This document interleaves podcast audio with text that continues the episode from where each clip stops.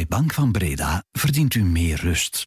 Meer gemoedsrust. Zodat u kan luisteren naar de zeven, terwijl wij focussen op al uw financiële vragen. Welkom bij de zeven van de tijd. Elke dag om 7 uur onze blik op de zaken in 7 punten. Dit is Bert Rijmen. Goedemorgen. Het aantal jongeren dat tijdens het schooljaar werkt is op ruim 15 jaar tijd verdubbeld. Goeie zaak of gaat dat ten koste van hun studies? Er is een huiszoeking gebeurd in het hart van de Antwerpse diamantsector bij HRD Antwerp. Speurders moeten uitzoeken of diamanten daar overgewaardeerd worden. En vanuit je living al roeiend een Sloveens meer ontdekken. Dat kan dankzij Exer, een app van een Antwerpse start-up die zoals Swift voor wielrennen ook indoor roeien plezanter wil maken. Het is vrijdag 23 februari. Welkom. De zeven van de tijd. 1. Er hebben nog nooit meer jongeren een studentenjob gedaan tijdens het schooljaar dan vorig jaar. In 2006 ging het nog maar om 18% van de jongeren. Sindsdien is het aantal verdubbeld tot 36%. Vooral studenten in het hoger onderwijs werken massaal. Ruim driekwart daar heeft een job en de helft werkt tijdens het schooljaar. Blijkt uit nieuwe cijfers van het Universitair Jeugdonderzoeksplatform, het JOP. Maar is dat nu een goede zaak dat jongeren meer werken tijdens het schooljaar of gaat dat ten koste van de studie? Goedemorgen, tijdcollega Sarah Lamotte.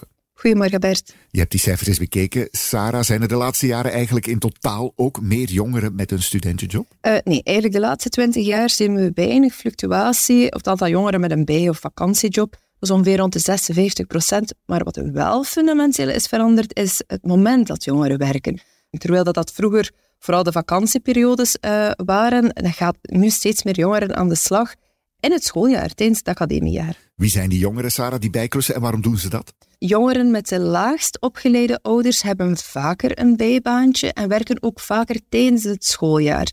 En ook jongeren die het gevoel hebben dat ze met het gezin moeilijker rondkomen op het einde van de maand gaan ook vaker werken. Uh, dus het fenomeen van bijvoorbeeld alleen maar in de zomervakantie werken, dat uh, gaat zich vooral manifesteren bij jongeren uit de middenklasse of de hogere middenklasse. Mm -hmm. De reden waarom ze werken, dat gaat heel vaak om uh, iets speciaals te kopen of voor persoonlijke uitgaven, zoals uitgaan, gsm, kleren of vervoer. Sinds vorig jaar mogen jongeren meer uren werken aan een verminderde sociale bijdrage tot 600 uur per jaar. Is dat een goede zaak, Sarah, of ja, is dat soms ook slecht voor de studies?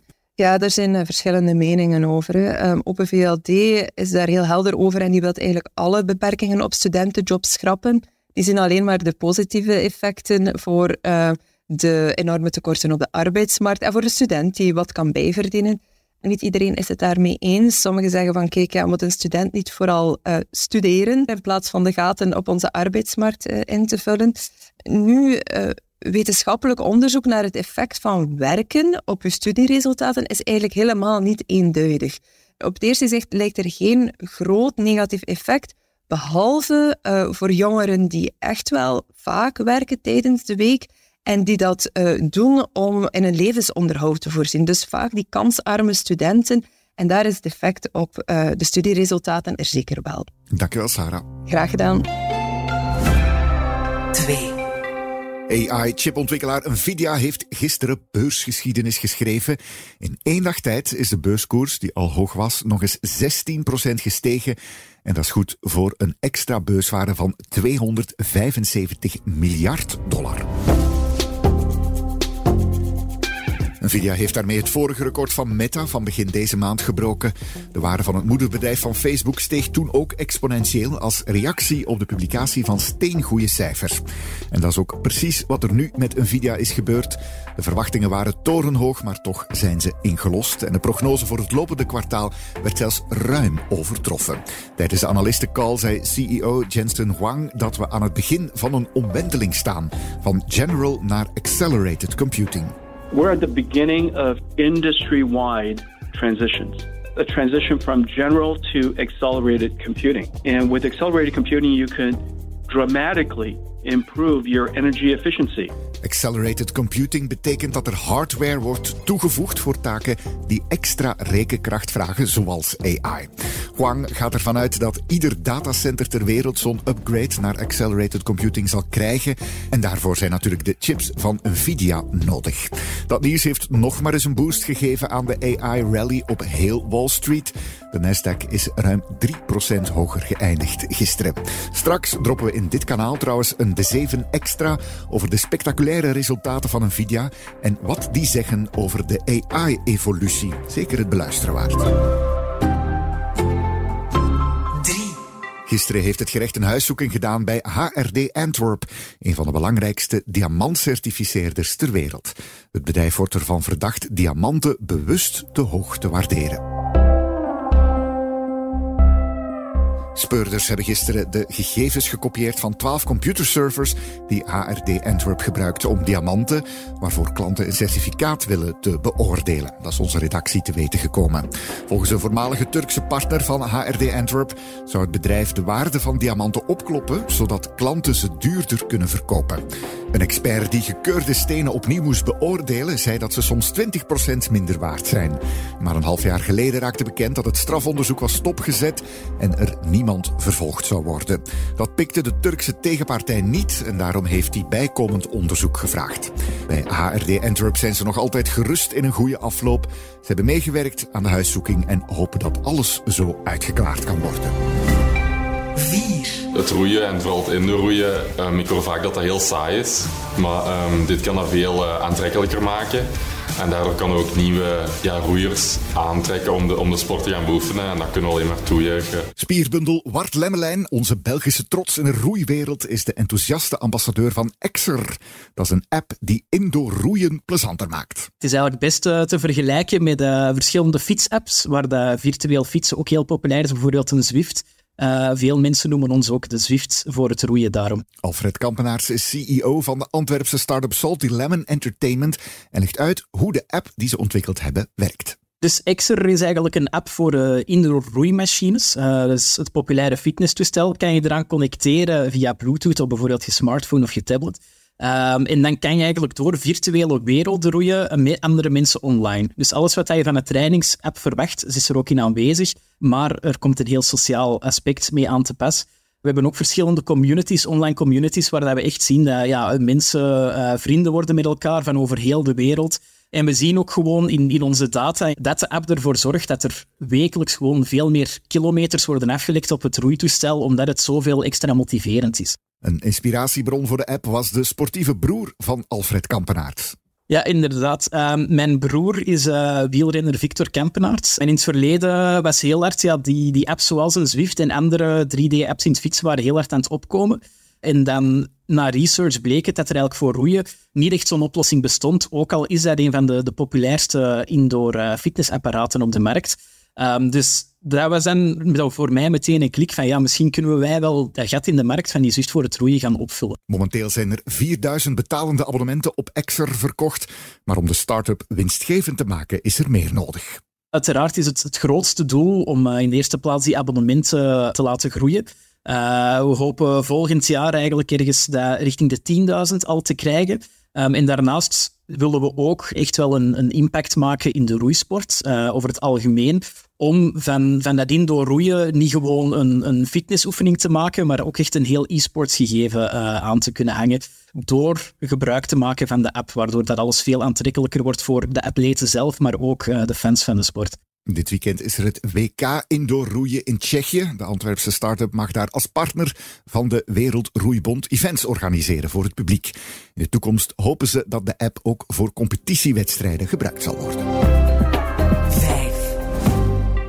Het voormalige wonderkind van de Oostenrijkse politiek, of zoals ze daar zeggen, de Wunderwudzi, Sebastian Kurz, die krijgt vandaag te horen of hij de cel in moet voor mijnheid.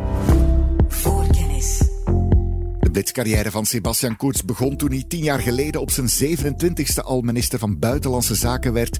Vier jaar later werd hij ook kanselier van Oostenrijk. Maar een schandaal heeft een abrupt einde aan die veelbelovende carrière gemaakt. Toen Thomas Schmidt, een goede vriend van Kurz, benoemd werd als topman van de staatsholding Eubach, verklaarde Kurz tijdens een hoorzitting dat hij daar niets mee te maken had. Maar uit sms'en tussen Kurz en Schmidt blijkt volgens justitie dat ze wel overlegd hebben. Vandaag beslist de rechtbank of hij maximaal drie jaar naar de gevangenis moet voor mijneet. Kurz moet ook nog voor de rechter verschijnen omdat hij betrokken geweest zou zijn bij vervalste opiniepeilingen. Na zijn politieke afscheid heeft hij nog een eigen managementbedrijf opgericht en hij werkt als lobbyist voor investeerders. Dat zal ook wat moeilijker zijn vanuit de cel. 6. Deense onderzoekers hebben mogelijk een medicijn gevonden om de hoge PFAS-waarde in het bloed te verlagen. Dat is hoopgevend nieuws voor de buurtbewoners van de 3M-fabriek in Zwijndrecht. Het is de eerste keer dat uit onderzoek blijkt dat cholesterolverlagende medicijnen, zoals cholestiramine, zouden werken om PFAS-waarden in het bloed fors te verlagen. Voor PFOS, de PFAS die in ons land het meest voorkomt, ging het zelfs om een afname met 60 procent. is niet alleen goed nieuws voor de 45 Deense proefpersonen die besmet vlees hadden gegeten. Het kan ook hoop geven aan de Belgen die de gevolgen dragen van de vervuiling van de 3M-fabriek in Zwijndrecht. Te veel PFAS in je lichaam zou kunnen leiden tot immuniteitsproblemen, hormoonverstoringen, leverafwijkingen en ook kanker. Verder onderzoek naar het medicijn moet wel nog uitwijzen wat de ideale dosis en duur van de behandeling zou kunnen zijn, zonder dat er te veel bijwerkingen optreden. En het is ook niet duidelijk of PFAS helemaal uit het bloed verwijderd kunnen worden. 7. Met twee grote tentoonstellingen viert Brussel de 100ste verjaardag van het surrealisme. In Bozar ligt de focus op de Belgische kunstenaars. Het KMSKB, de Koninklijke Musea voor Schone Kunsten van België, gaan de internationale tour op. Kunst met een grote K dus. En dan hebben we hier bij de tijd chef cultuur Koen van Boksem in huis. Goedemorgen Koen.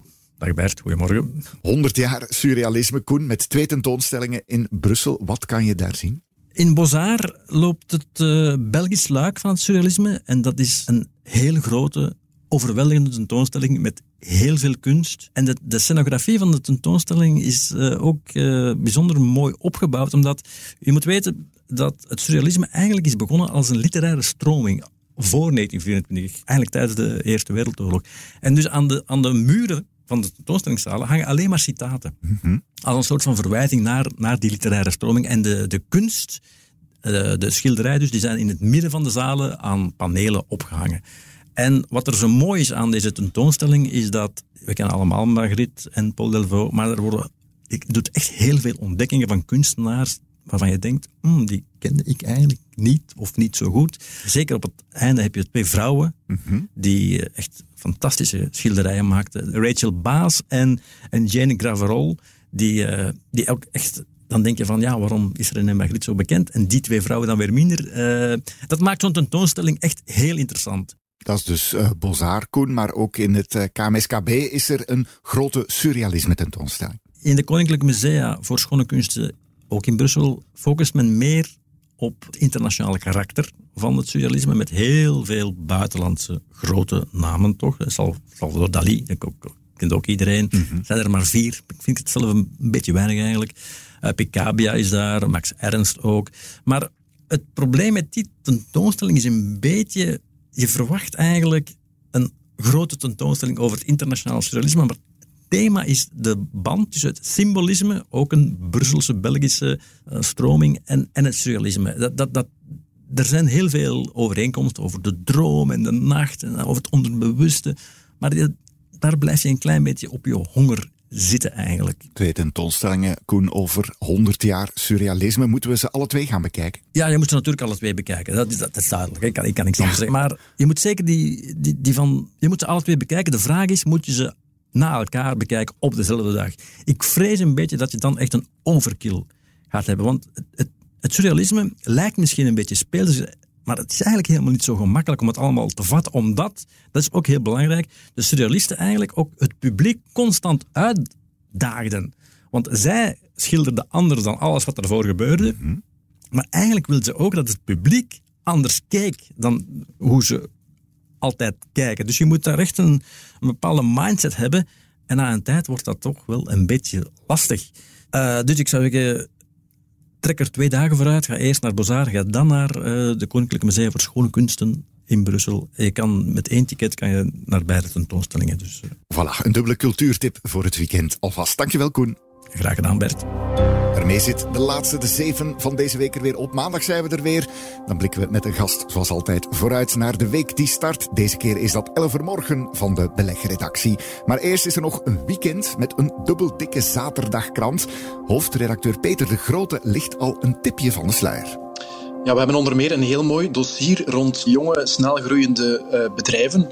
Uh, toch wel heel belangrijk gezien de staat van onze economie vandaag. We zijn een beetje temperatuur gaan opmeten in dat landschap. Uh, hoe gaat het met die bedrijven? Over welke bedrijven gaat het dan precies? En we geven ook voor onze jonge ondernemende lezers een aantal inzichten mee van iets ervarener rotten in het vak. Um, over ja, ondernemen, hoe gaat dat precies in zijn werk? Oké, okay, en de redactie werkt ook nog verder op dat onderwerp onder de noemer Wauw. Ja, absoluut. Uh, onder de vlag van wauw, afkorting voor wat als ambitie werkelijkheid wordt, ja, willen we eigenlijk ondernemers op pad zetten om echt meer te gaan ondernemen. Met artikels over jonge starters, uh, groeiende bedrijven, uh, maar ook met inzichten en portretten van ondernemers en ook uh, personal finance content rond een business runnen. Hoe gaat dat nu precies in zijn werk? Te vinden vanaf dit weekend in onze krant en uiteraard op onze website en vanaf volgende week ook in een speciale nieuwsbrief. En de link om je te abonneren op die nieuwsbrief steek ik ook in de show notes van deze aflevering. Dit weekend zit er trouwens ook een knoert van een sabato bij de krant. The 100, 100 top reisbestemmingen en ervaringen. Zalig om in rond te bladeren. Voilà, daarmee heb ik alles gezegd. Voor straks fijn weekend en tot maandag. Dit was De Zeven met Bert Rijmen. Productie door Lara Droesaert. Van op de redactie van De Tijd.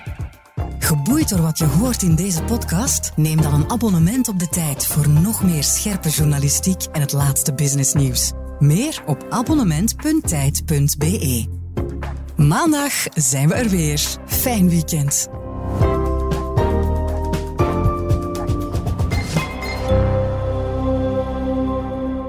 U verdient meer peren. U verdient meer anticiperen. U verdient meer anticiperen van uw financiële partner, zodat u ten alle tijde rustig kan blijven, ook als de beurs haar peren ziet. Ook u verdient meer Bank van Breda. Professioneel en privé.